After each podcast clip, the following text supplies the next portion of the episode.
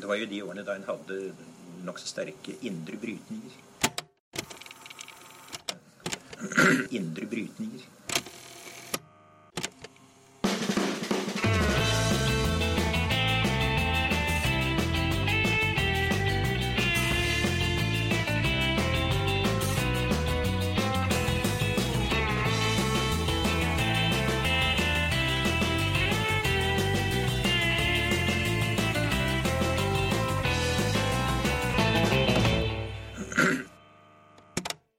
Velkommen til Noen har snakket sammen. Mitt navn er Tiril Rustan Halvorsen. Og jeg heter Aksel Fjellavli. Hadde du en eh, bra 1. mai, Aksel? Ja, 1. mai er jo alltid en av de beste dagene i året. Det er jo det. 17. Eh, mai og julaften på en gang? Ja, det er liksom 17. mai, bare at det er politisk, så det passer meg jo veldig bra. Ja. Eh, 17. mai er ikke politisk. jo, det er jo det. Er jo det.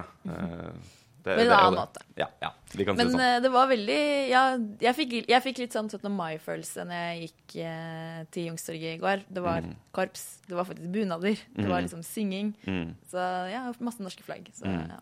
Ja, nei, det er jo superhyggelig, og fest på kvelden og ja. Veldig. Mange viktige eh, saker man diskuterte, tenker Mm. jeg. Ja.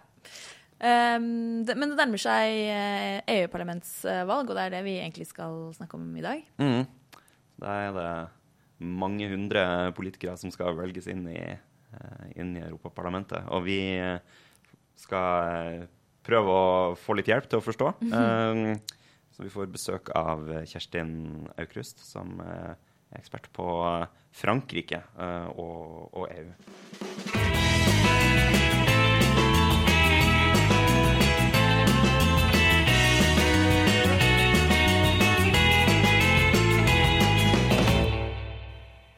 Da ønsker jeg velkommen til Kjerstin Aukrust, som er førsteamanuensis eh, i fransk litteratur og områdekunnskap ved Universitetet i Oslo. Velkommen hit. Tusen takk. Eh, du skal eh, hjelpe oss med å bli litt klokere på det EUs parlamentsvalg som skjer eh, om noen uker. Eh, og først og fremst så kjenner du jo Frankrike godt.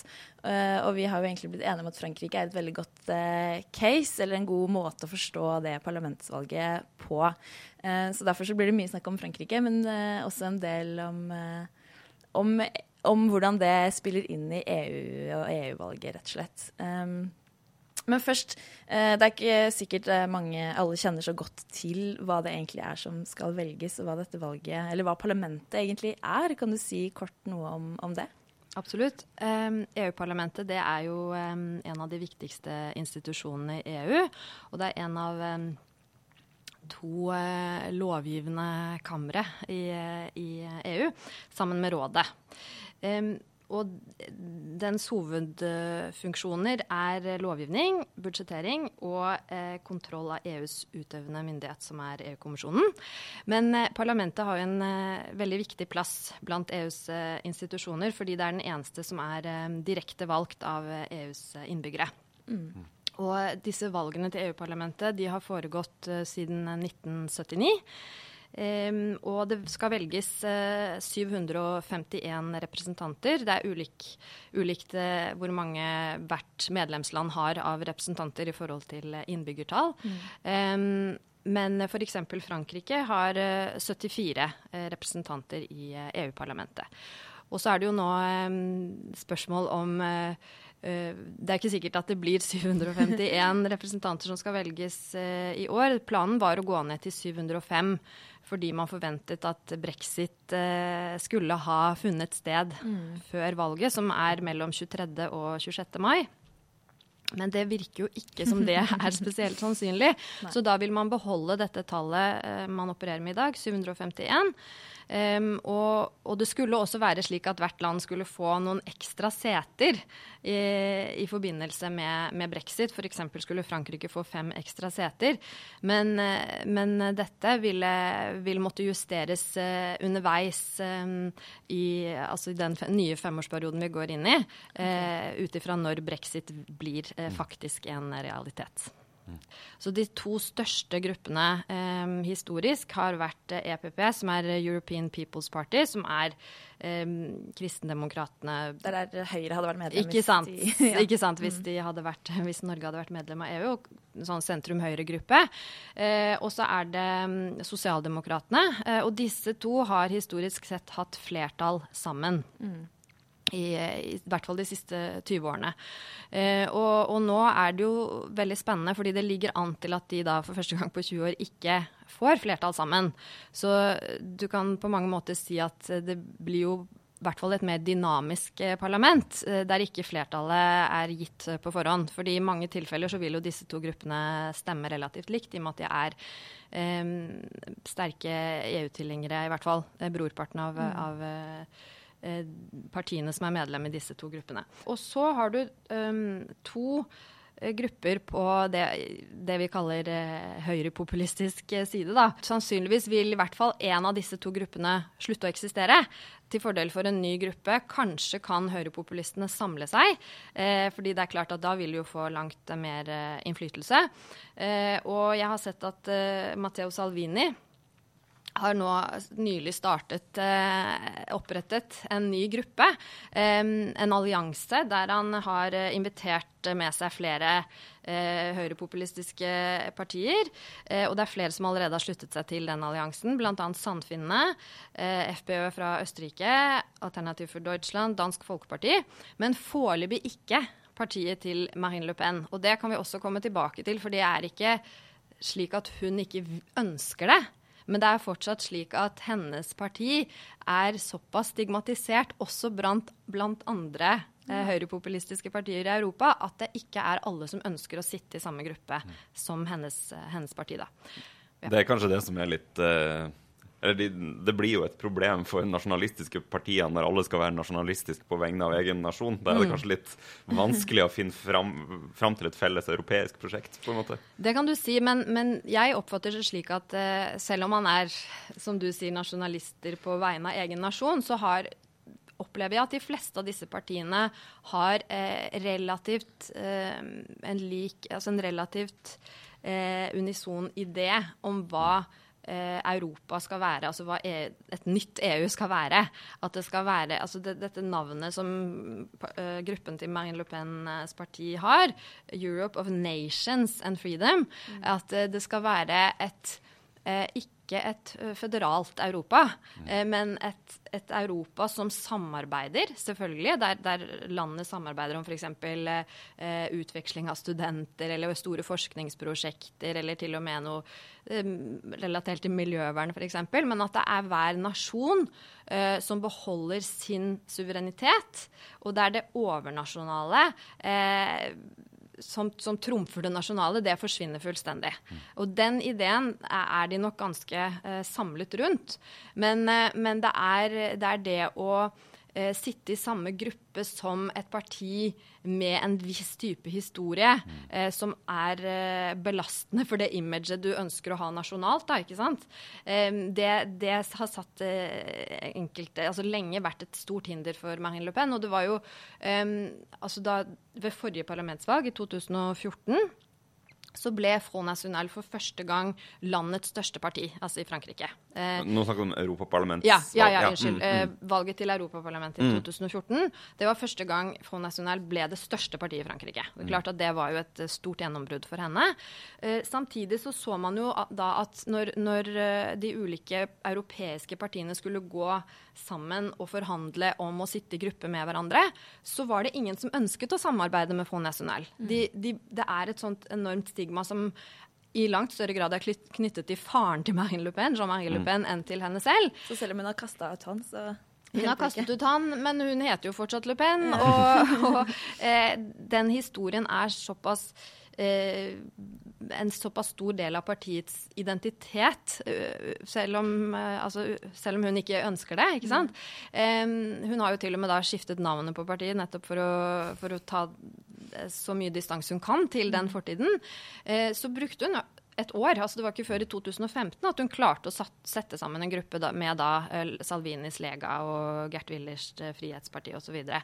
så uh, det, det, var en jobb å gjøre. Og, og, jeg var faktisk overrasket å se at det fortsatt er såpass mange, uh, Sverigedemokraterna f.eks., som, som ikke ønsker å sitte i samme gruppe som henne. Og så er det mange østeuropeiske land som, med, med høyrepopulistiske partier som ikke ønsker heller å sitte i samme gruppe som henne, fordi hun har et veldig nært forhold til Russland. Eller, ja. mm. Sånn at det er, det er, mye som skal uh, falle på plass for at, disse, at det skal være én uh, stor høyrepopulistisk gruppe. Mm. Uh, og det ligger an til at den kommer til å bli, den til å bli ganske splittet. Da. Ja. Mm. Mm. Men det, det, er jo en av de på en måte, tingene som folk snakker om om dette parlamentsvalget her. Det er jo på en måte at høyrepopulistene skal vokse fram og få mye makt i, i Europa. Men også liksom um, Altså vi som følger norsk politikk mest, vi kjenner jo en liksom, høyre-venstre-konflikt der de store partiene til høyre og venstre går liksom i clinch med hverandre. mens i EU så er det jo mer som kanskje i, i Tyskland, da, med, med, en sånn storkoalisjon der Arbeiderpartiet og Høyre i hermetegn eh, styrer sammen. Mm. Men kan det også bli utfordra når liksom høyre, høyrepopulistene vokser fram? Altså, mm. Samarbeidsmønstrene i parlamentet kan jo også da bli annerledes. Det ligger an til det. Mm. Helt klart, Som jeg nevnte, så viser målingene at eh, for første gang på 20 år så vil Eh, PPE, altså disse um, kristenkonservative og sosialdemokratene, vil miste flertall sammen. Uh, og det er klart at da blir det en annen uh, dynamikk i parlamentet. Um, og så, som du nevnte, høyrepopulistene de uh, stiger på målingene. De, de ligger PPE er fortsatt størst på målingene, men de går ned.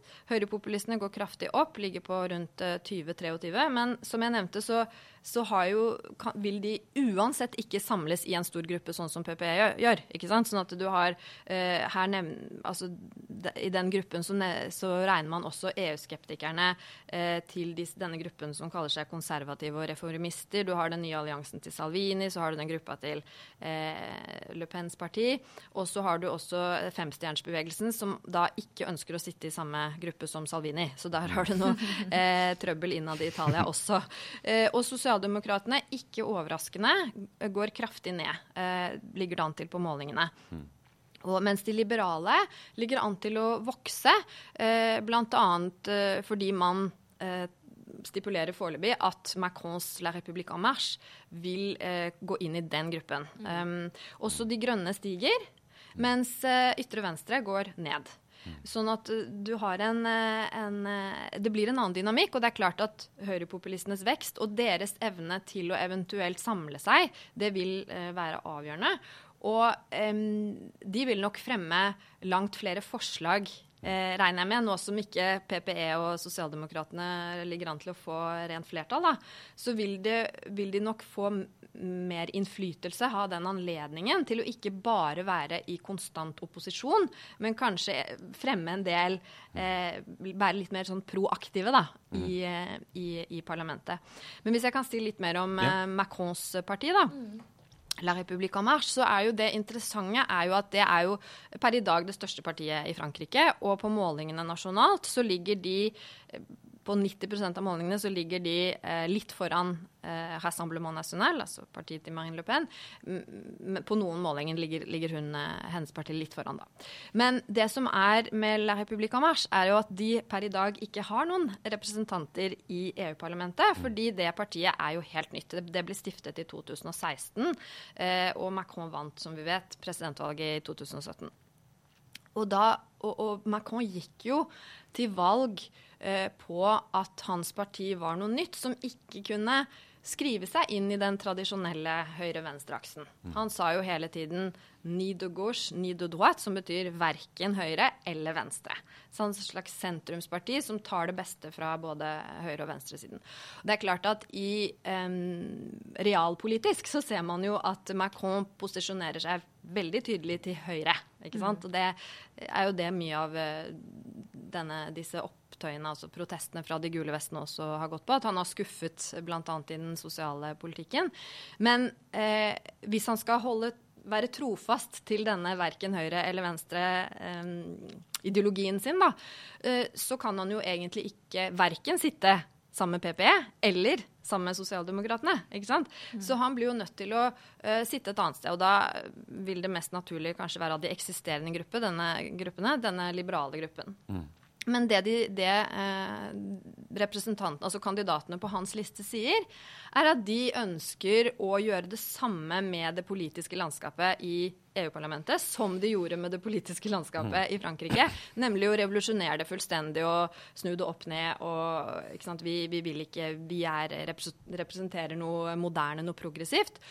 Og, så det de ser for seg, er at de skal danne en ny gruppe med alle de som ønsker å gå på tvers av de tradisjonelle eh, skillelinjene.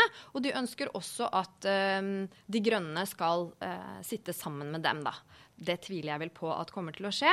Men det er, eh, det er en taktikk for å vise at de har en veldig grønn profil. De har noen ledende grønne politikere på, på lista si, bl.a. i Frankrike. Prøver å profilere seg på det. Men, så det blir jo veldig avgjørende. altså klart at La République en er jo et stort parti i Frankrike.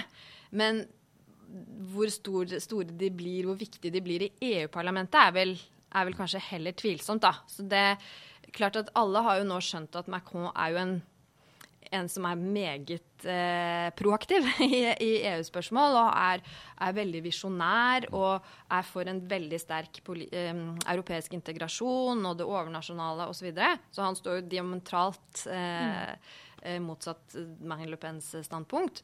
Men, men, det er jo ikke sikkert at hans visjoner vil få så stor påvirkning. Mm. Eh, at han, hvis han havner i en sånn liten gruppe med liberale, liberale som eh, knapt får noen innflytelse, så vil jo det bli en form for mageplask for han, da. Men eh, altså det, det, partiet han representerer, de står jo for eh, noe nytt på mange måter, men samtidig er de jo strengt tatt ikke så forskjellige fra de andre partiene i den liberale gruppa i EU, sånn sett. Sånn at det er vel litt sånn eh, no, noe de sier, vel så mye som noe som er reelt. Altså, de er jo et mm. tradisjonelt liberalt parti også, på mange måter. Absolutt.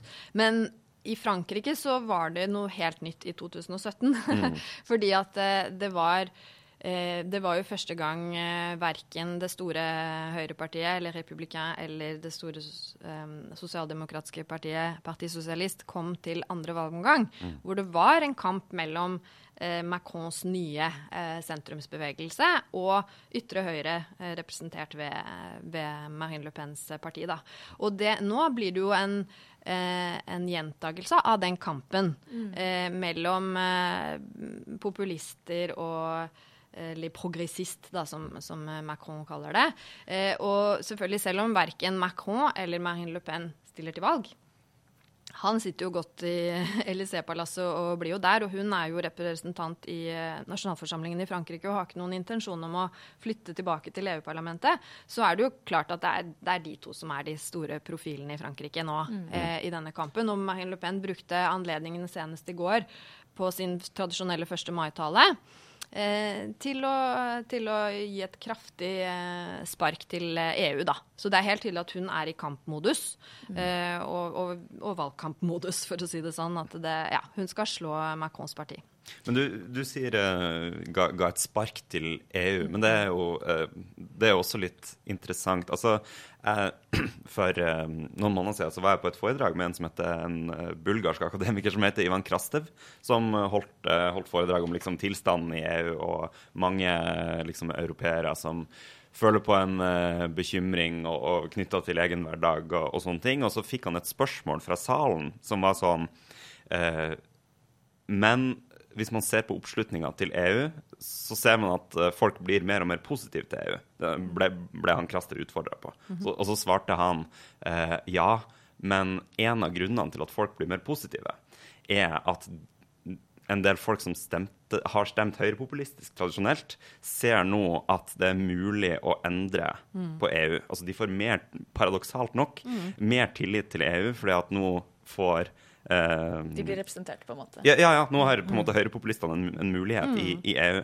Så kunne du forklart litt mer rundt uh, eh, Nasjonal Samling sin eh, Må bare kalle det Det er jo det de heter på norsk, og jeg er ikke så god i fransk, så jeg bare kaller det det. Men, men eh, fordi de har jo endra på sitt EU-standpunkt. Altså, de har vært veldig sterkt eurokritiske og sånn, men nå, nå skal de inn for å endre, på en måte. Ja, det er helt riktig. Eh, og det er, en, det er en viktig endring. Altså det, man ser det tydelig hvis man sammenligner eh, valgprogrammene til Marine Le Pen i 2017. Eh, så det første punktet, avholde en folkeavstemning, eh, og eh, sant, franskmenn må velge skal vi bli i EU eller ikke. Eh, og selvfølgelig hennes standpunkt var da vi må eh, forlate EU. Og i hvert fall forlate eurosonen. Det var jo på en måte hele premisset for den økonomiske politikken eh, hun la til grunn for hele sitt valgprogram. Eh, siden den gang så har jo da pipa fått en annen lyd, som du, som du nevner, og det har i stor grad med den europeiske konteksten eh, å gjøre. Så det, akkurat det du sier, at eh, de er ikke lenger eh, isolerte. Altså selvfølgelig, de har fortsatt problemer med, med sitt image i, i enkelte land, men, eh, men det er en sånn eh, valgplakat eh, til, til EU, valget til EU-parlamentet nå, der Marine Le Pen er, står ved siden av Matteo Salvini. Og så lyder teksten under eh, Overalt eh, i Europa så vinner våre ideer fram. Og det er klart at nå, akkurat det du sier, at nå, nå er det en, en følelse av at man kan faktisk endre EU innenfra. Så det er ikke eh, og, og nettopp fordi at Marine Le Pen tapte jo valget i 2017 av mange årsaker. Men hovedårsaken var nok eh, EU-spørsmålet. Fordi franskmenn er ikke klare for å forlate, for å forlate EU. Det er jo en altså, det er en vanskelig mental øvelse for franskmenn å se for seg at de som en av eh, founding fathers holdt jeg på å si, til, til EU skulle forlate skuta. Eh, og, og hun klarte heller ikke å overbevise dem om at eh, man ved å gå tilbake til frangen istedenfor euroen, så skulle man få bedre økonomi. Det var det ingen som skjønte. Så det, det måtte hun rett og slett bare av pedagogiske årsaker bare, bare forkaste som en del av programmet. Så hun, hun har forstått ok, folk ønsker ikke dette. Men de ønsker Altså en stor eh, majoritet i Frankrike er, som du nevner, for EU, men mot EU slik det har blitt i dag. De ønsker å endre EU. Eh, så mange vil nok støtte Marine Le Pen når hun sier at det må, eh, EU fungerer ikke slik det skal i dag. Så det, men det er veldig interessant hvordan man har faktisk forandret EU-standpunkt eh, ganske radikalt. Og de, de i hennes parti eh, som er uenig i den eh, endringen i standpunkt, de har jo forlatt skuta. Bl.a. hennes nestkommanderende, Florian Philippot, eh, som var, han var visepresident i, i Fond National i mange år, og er liksom hele strategen bak eh, dette mm, nye imaget til, til Fond National, da, som, eh, som har blitt et mer spiselig parti selvfølgelig for, for mange også. Han har startet sitt eget parti, som er et frexit-parti, ikke sant, à la UKIP, da, som heter Le Patriot, altså patriotene. De har bare sånn 2% oppslutning. Men, så det sier jo også noe om dette frexit-standpunktet, hvor radikalt eh, det oppfattes i Frankrike. Men, eh, men det er veldig interessant den, eh, den eh, helomvendingen, vil man kanskje si, i E-standpunktet. ja. Hvis hvis jeg kan være litt uh, flåsete, så, så, så eh, Hvis man hører Audun Lysbakken f.eks. snakke om EØS-avtalen, så, så er det jo en linje som er sånn Ja, det er en abonnementsordning på høyrepolitikk. Eh, Se for deg noe verre. men, men, men eh, hvis da det er sånn at høyrepopulistene får mer makt i EU, så vil jo da EØS-avtalen være en abonnementsordning på høyrepopulisme i tillegg, da. Ikke sant? Ja. Mm. Men jeg Det er klart at uh, de fleste franskmenn, og som du nevnte også, europeere er eh, mer positive til EU, eller for EU, da. Men, men samtidig så er det jo sånn at eh, det er jo ganske påfallende hvor lav valgdeltakelse det er ved dette valget til EU-parlamentet. Og I Frankrike så er det nå ligger det an til å være mindre enn 40 valgdeltakelse. Mm. Hvordan er det i forhold til det nasjonale valget? Det er jo et relevant spørsmål. Ja, det er et relevant spørsmål. Uh, ved, altså, Frankrike er jo i den situasjonen hvor det er ekstremt mange valg. Det er eh, valg nesten hvert år. Mm. Du har valg, presidentvalget, valg til nasjonalforsamling, kommunevalg, du har regionsvalg. og senatvalg, og så har du eh, EU-parlamentet. Og, av disse så er jo EU-parlamentet det med minst eh, oppslutning, altså minst eh, valgdeltakelse.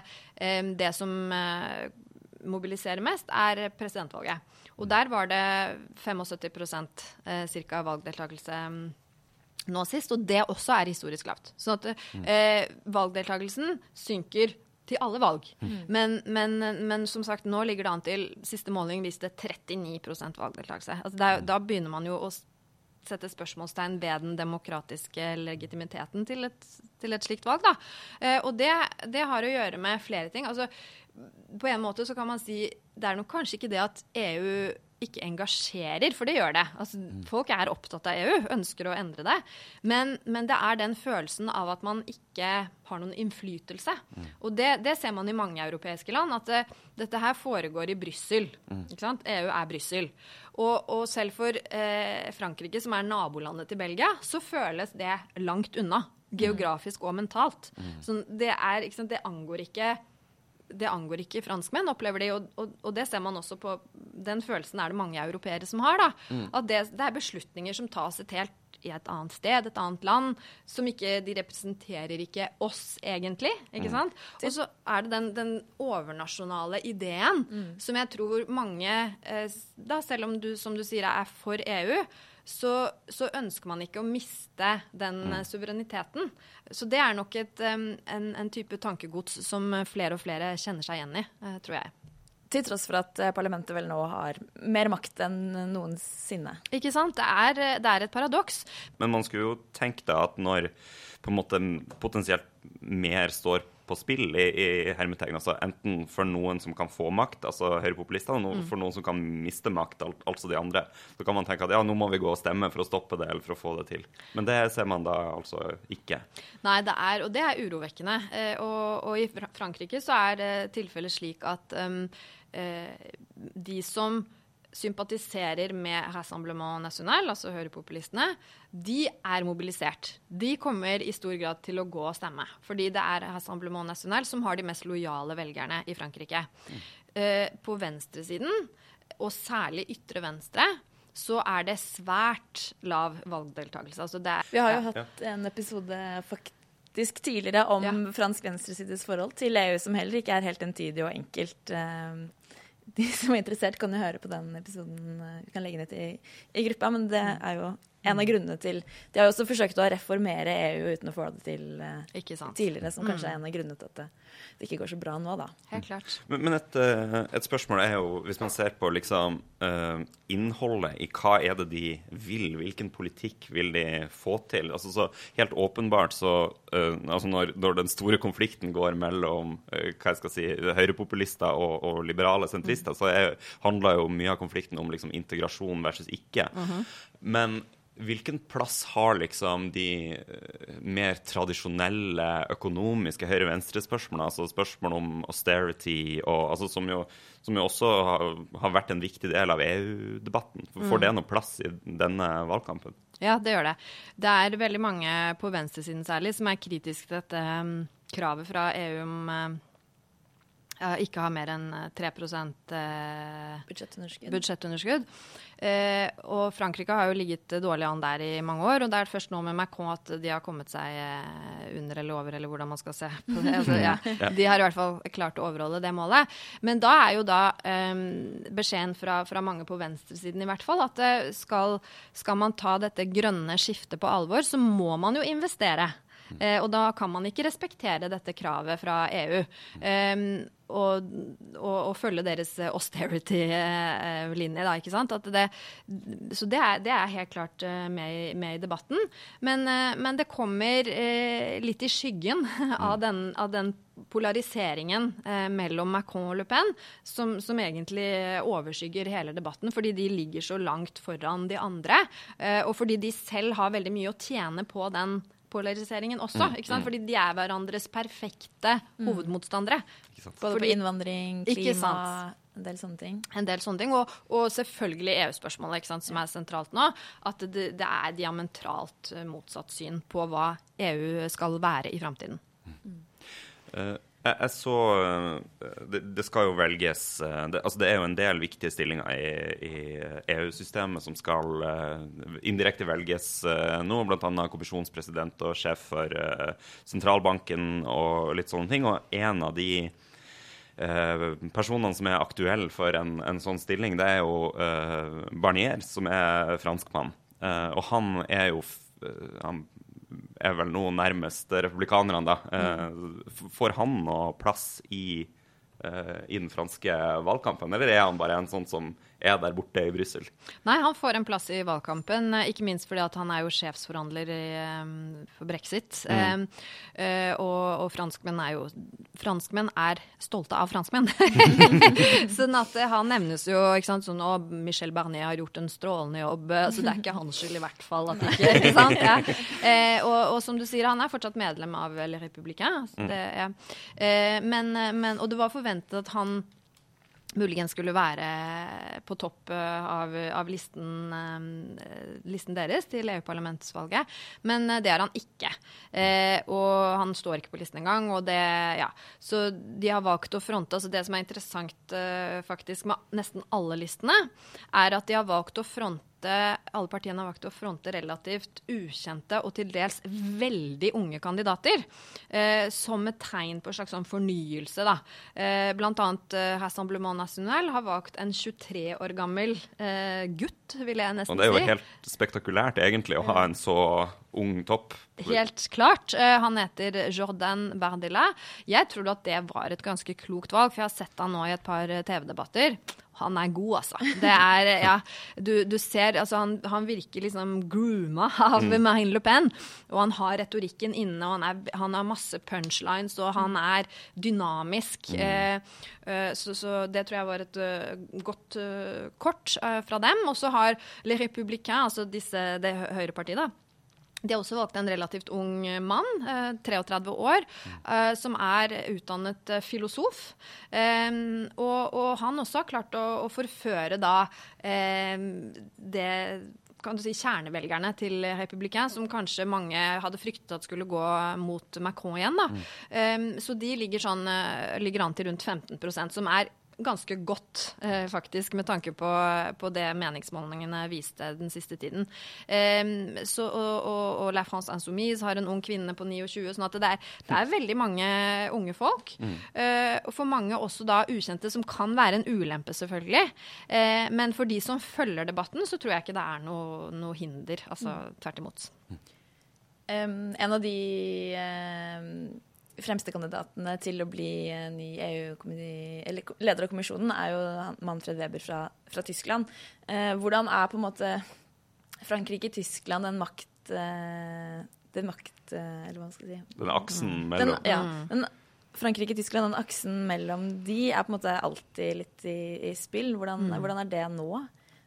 Ja, altså, historisk sett så har jo det paret, Frankrike-Tyskland, vært meget viktig. Ikke bare for EU, selvfølgelig, hvor, hvor, hvor dette paret er en slags um, evig motor, eh, men, men, også for, eh, for Frankrike, så er Tyskland uh, den fremste allierte uh, og fremste handelspartner og ja, uh, frem, nærmeste venn, vil jeg, vil jeg, si. Og det er påfallende hvordan alle nyvalgte franske presidenter det første de gjør når de har blitt valgt, er å dra til Berlin for å møte um, Angela Merkel. Angela Merkel, ja, La oss innrømme det. Ja, ikke sant? Hun har vært der et par, et par år.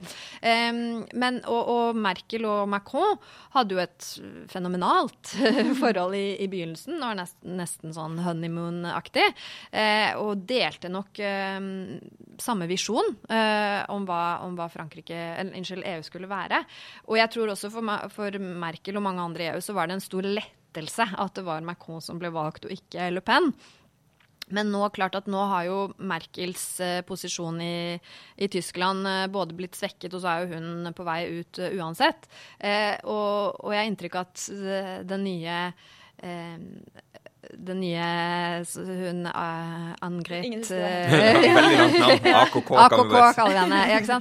At hun ikke, nok ikke har tatt imot uh, Macrons uh, visjoner like entusiastisk som Merkel gjorde. Så For, for hun er litt mer sånn brems på EU-integrasjon enn Ja. det Merkel eh, kanskje har vært. Hun er det. Og, og Macron publiserte jo eh, nå for noen uker siden en sånn eh, kronikk eller lesebrev eller hva, man skal kalle det, i aviser i alle, alle medlemsland i EU, der han presenterte sant, han, han la fram en, eh, en sånn europeisk renessanse. Nå er det på tide med en europeisk renessanse, og la fram sine ideer. Eh, og, og sant, klart at eh, Jean-Claude Juncker og osv. syntes at dette var helt eh, supert. Men, men bortsett fra det så var det ganske laber respons fra de andre statslederne. Sånn at Macron virker jo litt sånn overivrig, egentlig, for mange, eh, er mitt inntrykk. Og at, at, at man kanskje oppfatter at han mangler en viss realisme eh, i, i sine visjoner. Eh, så der kan han nok få seg en, en kalddusj også, da, når, når det nye parlamentet settes sammen. Hvor, som blir liksom han først, hans første anledning til å vise at hans politiske parti, ikke bare han som statsleder, men hans politiske parti, har, har en eh, reell innflytelse. Ja, da tror jeg vi har blitt ganske, mye klokere. Tusen takk for at eh, du eh, kom hit til oss, Kjersti Eikrust. Bare hyggelig. Ja. Uh, har du en anbefaling, Aksel? Kanskje en som uh, kan gjøre oss enda klokere på EU-valget? Ja, det er i hvert fall en uh, podkast som jeg har hørt på i mange år. Ikke liksom hver episode, men med jevne mellomrom. Den heter Inside Europe. Eh, og det er en podkast fra Deutsche Welle, altså eh, tyske NRK, men den er på engelsk, da. Ok. Eh, så, og, og det er litt sånn eh, nyhetsreportasjer, rett og slett, fra rundt omkring i eh, Europa. Uh, som er veldig på en måte grei for å henge med på nyhetsbildet. Altså det er ikke bare EU-spesifikt, men liksom eh, Gule vester og ja, ja, er valg i Spania og sånn. Ja, er det en demonstrasjon i Barcelona, så Ja, så Får du det med deg? Ja. en, en, en litt morsom ting med den podkasten er jo i starten, når jeg begynte å høre på, så altså, Den er jo på engelsk, og de hadde britiske eh, programledere. Ja. Eh, men idet brexit skjedde, så bytta Deutsche Welle Jeg vet ikke om de hadde noe, noe plan, men nå er det i hvert fall Ira da, i stedet for uh, Brita som har den podkasten. For nå, nå vil, tydeligvis så er er de ikke så interessert i å ha Brita der lenger. Det er bare røde kluter, og de skal ut. Ja. Ja. Enn du, har du noe Eh, anbefaling? Ja, nei, litt av samme gate, da. Det, Politico har en podkast som heter EU Confidential. Eh, og, og forrige uke så var det da en debatt um, mellom de som eh, I hvert fall fire eller fem av de kandidatene til å bli ny EU-kommissær. De kaller det en Maastricht-debatten. eh, som er Mm. Mellom- det, dette er liksom på folkemunne EU-presidentkandidater, på en måte. Eh, ja. Mm. Eh, som da disse gruppene som vi har snakket om i dag, på en måte har i utgangspunktet en kandidat hver, som, så, så må den kandidaten få 55% i parlamentet for å bli ny eh, kommissær. Eh, noe sier meg at det ikke er riktig så enkelt. Nei, men, det alltid eh, er jo litt komplisert, litt, eh, men vi kan si det sånn. Sånn cirka sånn. Og, jeg nevnte jo han Manfred Weber, eh, som er eh, en tysk kandidat foreløpig fra EPP. Eh, men også nevnte du eh, Barnier, da, som ifølge bookmakerne kanskje vil ende opp som, som president, fordi det er- kommer til å bli noen hestehandler, og man skal ta hensyn til kjønn og land og Mm. Ja, jeg- jeg sjekket jo de eh, partifarge osv. Jeg, jeg sjekka jo liksom oddsen og sånn, Mm. eh, og odds, du får ingen penger igjen hvis du setter pengene på Manfred Weber. Sånn at, okay. det eh, blir han. Det, det blir liksom han, eh, if- ifølge de som spiller på dette. Ja. Men uh, Men det er jo kanskje gitt en sånn uh, den gamle partistrukturen. Det kan jo mm, endre ja, seg. ja, det, ting er i spill, så Men Ja, men, men min anbefaling var at uh, høydepunktet fra den debatten kan du høre på den kommende episoden av Politico EU Confidential. ja. Hvis du vil liksom høre litt om hva slags saker disse menneskene står for, og hvem de er. ja da høres vi neste uke. Det, det gjør vi. Ja.